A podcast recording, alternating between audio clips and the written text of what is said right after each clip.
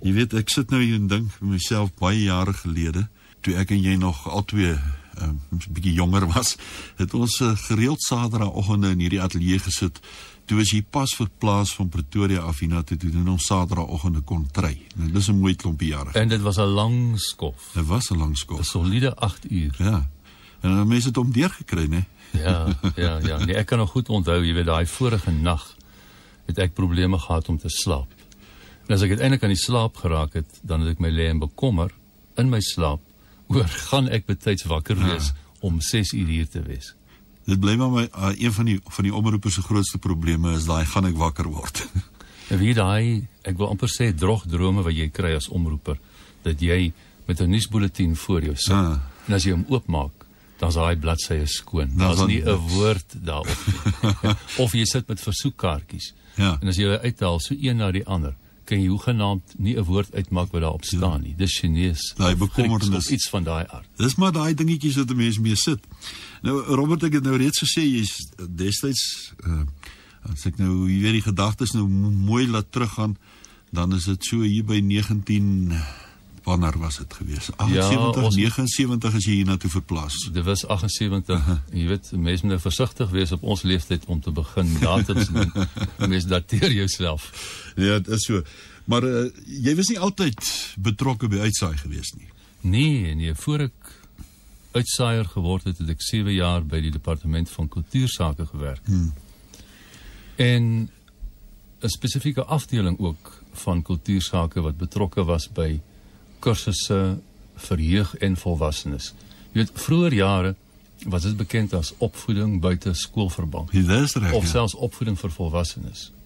En 'n groot verskeidenheid van interessante kursusse wat 'n mens gereël het vir volwassenes en vir kinders gedurende uh, vakansietyd. En dan natuurlik ook nog die kultuurverdrae wat destyds bestaan het. Hmm.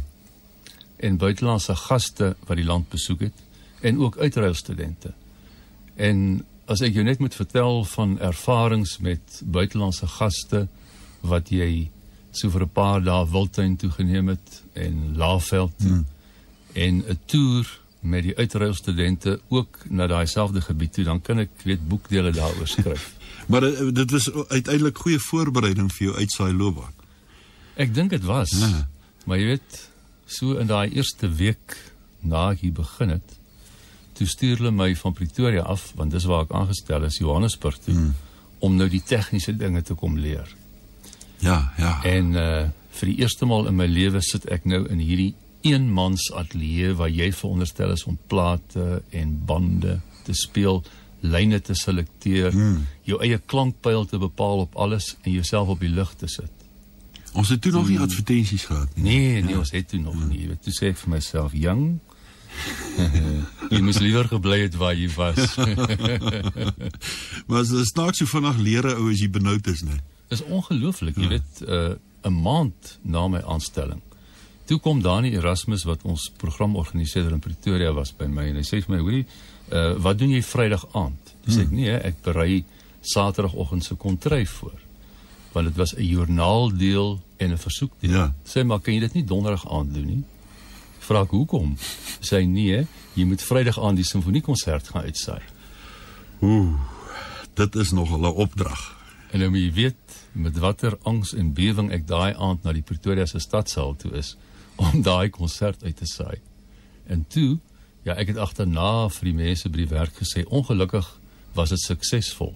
Want ek ja, kry 'n ja. oproep van Lambert Stevens om te sê, hoorie, ehm um, ek kan nie onthou wie dit was nie, Daniel Kerstyn of iemand uh, se stem is weg en jy moet oorry Johannesburg toe in die simfoniekonsert kom uitsaai. Toe dit nou 'n gereelde ding geword. Ja, hmm. ja.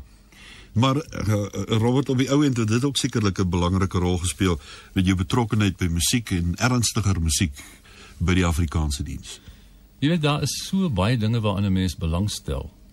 En die SAIK bied vir jou die geleentheid om daai belangstelling verder te laat ontwikkel. Hmm.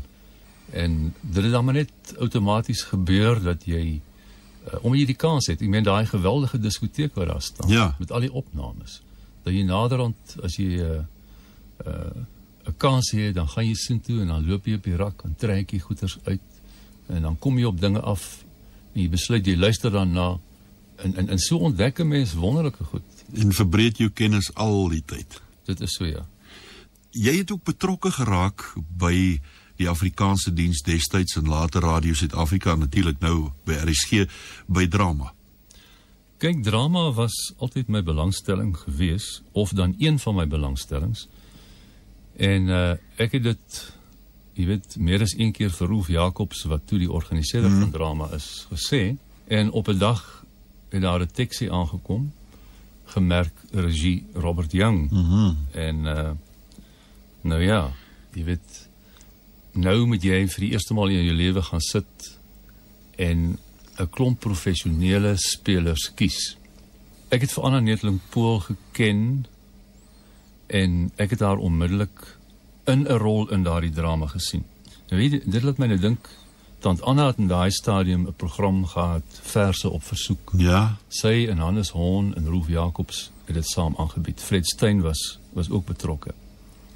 Maar toe sy 70 was, is haar besluit om 'n spesiale program aan haar te wy en toe moes ek nou na Uskriege toe gaan. Ja, kyk die hele ding was so dat mm -hmm. verskeie uh mense is gevra om 'n gedig vir tant Anna voor te dra.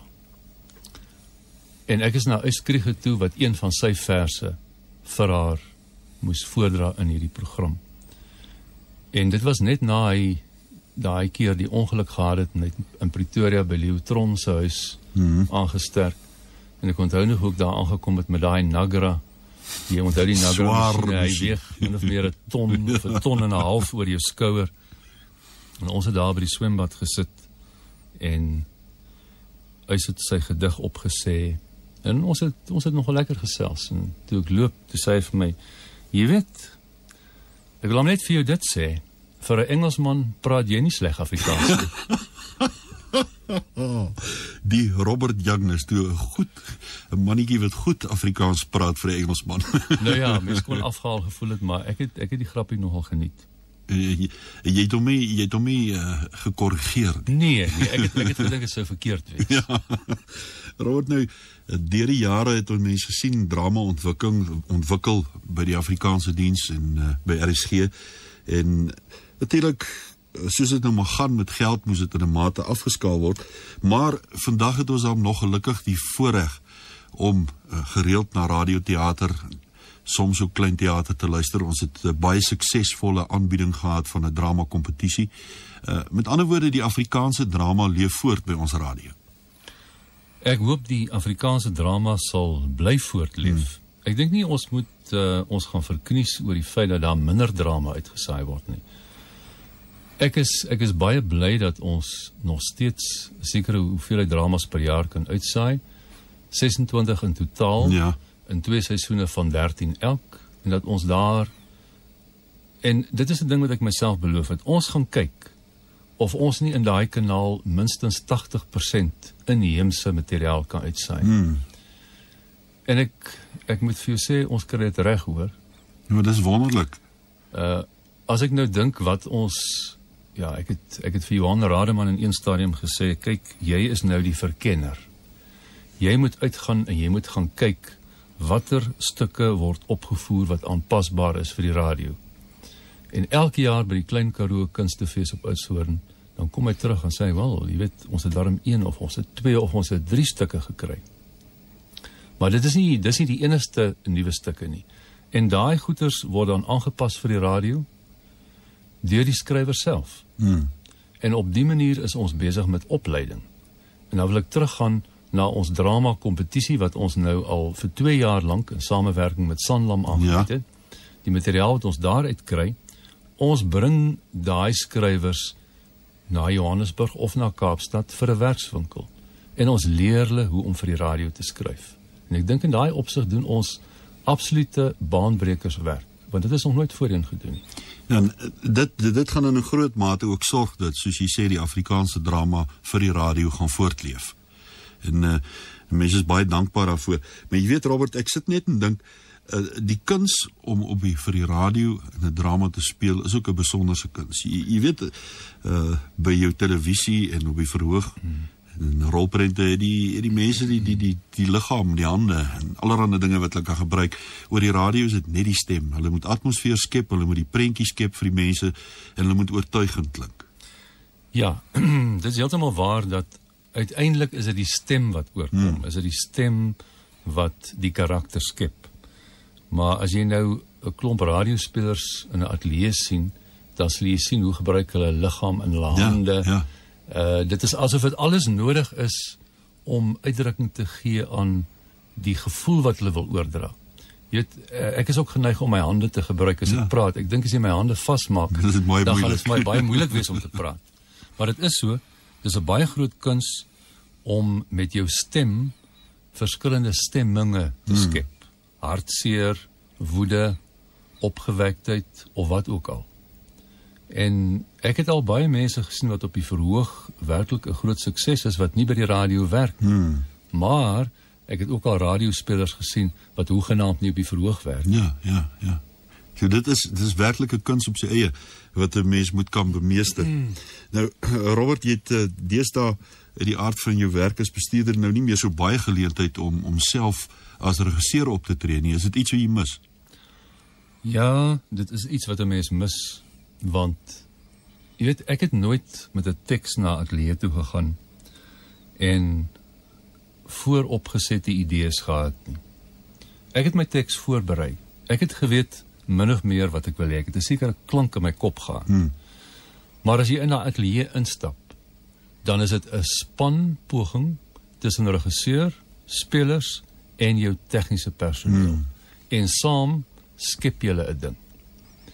En wie dikwels kom daar iets uit wat totaal ja, wel, miskien nie totaal nie, maar wat wat anders is as wat jy jou dit voorgestel het. Maar wat beter werk as wat jy jou dit voorgestel het. so daai spanpoging die die die die aan mekaar aanvul en, Ja. en uiteindelik het jy daai finale produk. Ja, dit is amper soos om 'n 'n bol klei in jou hande Ja. te hê en en en soos 'n beeldhouer iets daarmee te maak. Ja, jy weet in die in, in die werk wat ek nou doen, uh, is maar hoofsaaklik administratief van. Hmm. aard. Jy het nog nie die die gevoel gekry, die lus gekry om self 'n radiodrama te skryf nie. Jy vra my, jy vra my 'n vreeslike ding. Uh kyk, ek het al verwerkings gedoen Hmm. van romans.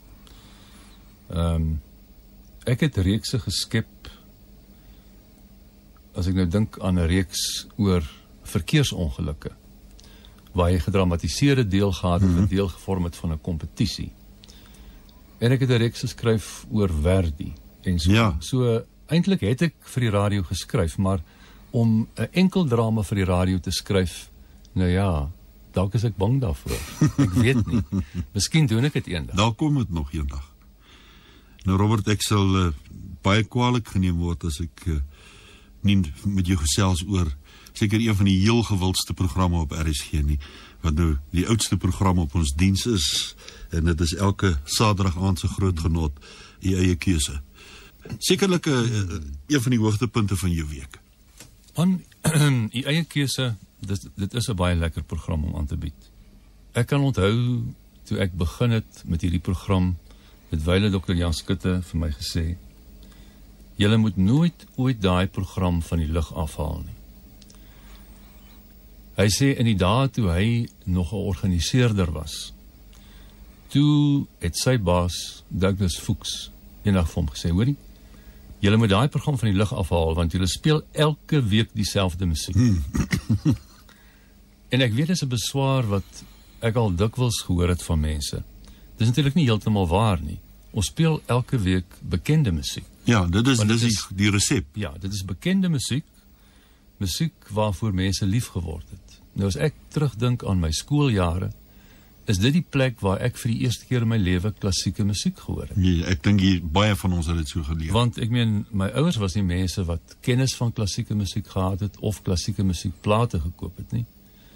En ek het sekere goeters daar gehoor, onthou later toe ek vir die eerste keer in my lewe self geld gehad het om plate te Hmm. koop. Dan het jy van daai musiek gekoop. Jy weet in jou belangstelling het net eenvoudig gegroei. Maar dis nie net klassieke musiek nie.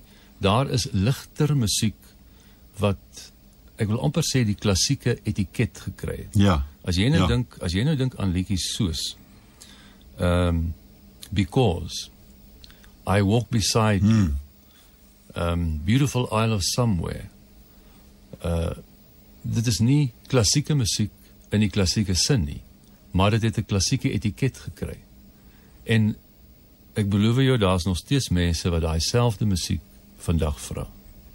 Ja, de, ek kan dink eh, jy het nou genoem because dit is 'n ding wat nooit sal uitsterf nie en daar sal altyd 'n aanvraag daarvoor wees. Ek dink nogal so. Ja. Maar uh, jy weet dit is my altyd interessant as ek sit en luister Saterdag aand nou weer die uh, wyse waarop jy 'n balans skep. Dit is ook belangrik. 'n Ou kan nie net bloot gaan sê ek het nou vanaand lus hiervoor sonder dat jy gaan kyk na wat speel ek. Ek dink dit is vreeslik belangrik dat 'n mens in enige program 'n regte ja, wat wil ek sê, dat jou meng reg is. Hmm. Jy weet ons probeer ook met ons speellys om 'n sekere meng te kry. Ja. Ehm uh, ek dink dit sou onwys wees om byvoorbeeld twee soprane na mekaar mm -hmm. te speel. Want dit is asof jy dan wil sê kyk hierdie een is beter as daai een. Of iets van daai aard. Maar om sê 'n manstem te hê, 'n vroue stem te hê, 'n orkeswerk, weer 'n manstem, 'n koorwerk, dan 'n sopraan, jy weet, daai soort van van meng uh maak dit ook lekkerder om na te luister. En dan moet 'n mens verder ook en ek dink is baie belangrik luister na die tekstuur van een ding.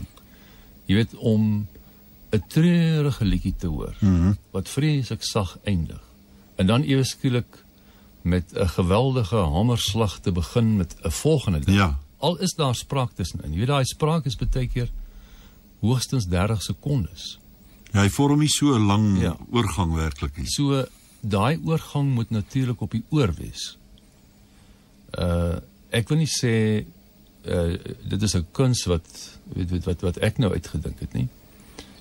Uh, ek sou maar net sê dit is uh dis gewone gesonde verstand. Hmm.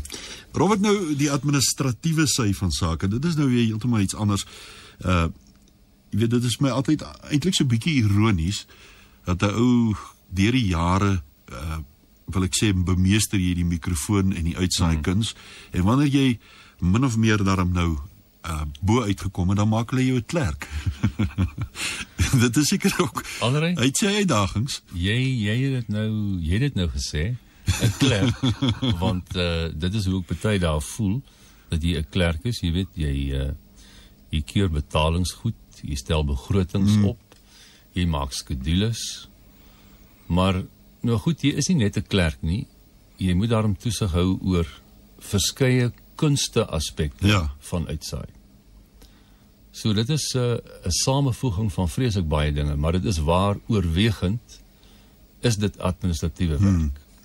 En uh, dit is minder lekker as uitsaai hoor. Maar hy het sy uitdagings. Hy het sy uitdagings. Want sonder daar, ja. sonder daardie uh kundige administrasie gaan die uitsaai hieronder ook daaronder lê, beslis. Wel, jy weet self as daai hmm. dagblad as hy nie korrek daar voor jou is nie, dan uh, nou ja, dan ek wil amper sê dan gaan jy die ne- die 9 uur nie 12 uur Dit is baie maklik, baie maklik. Robert nog enige uitdagings, dinge wat jy graag sou wou doen en uitsaai? Jong. Ek sou sê ek sien nie spesifieke uitdagings vir myself nie.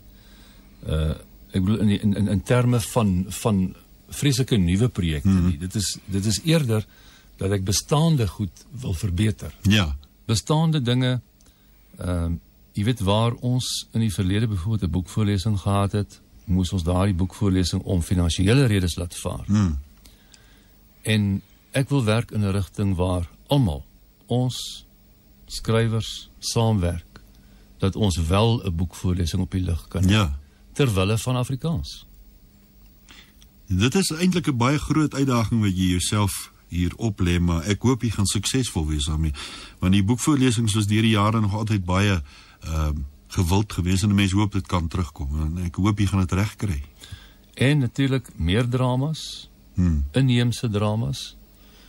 Ehm um, ag nou ja, jy weet uitsaai op sy beste.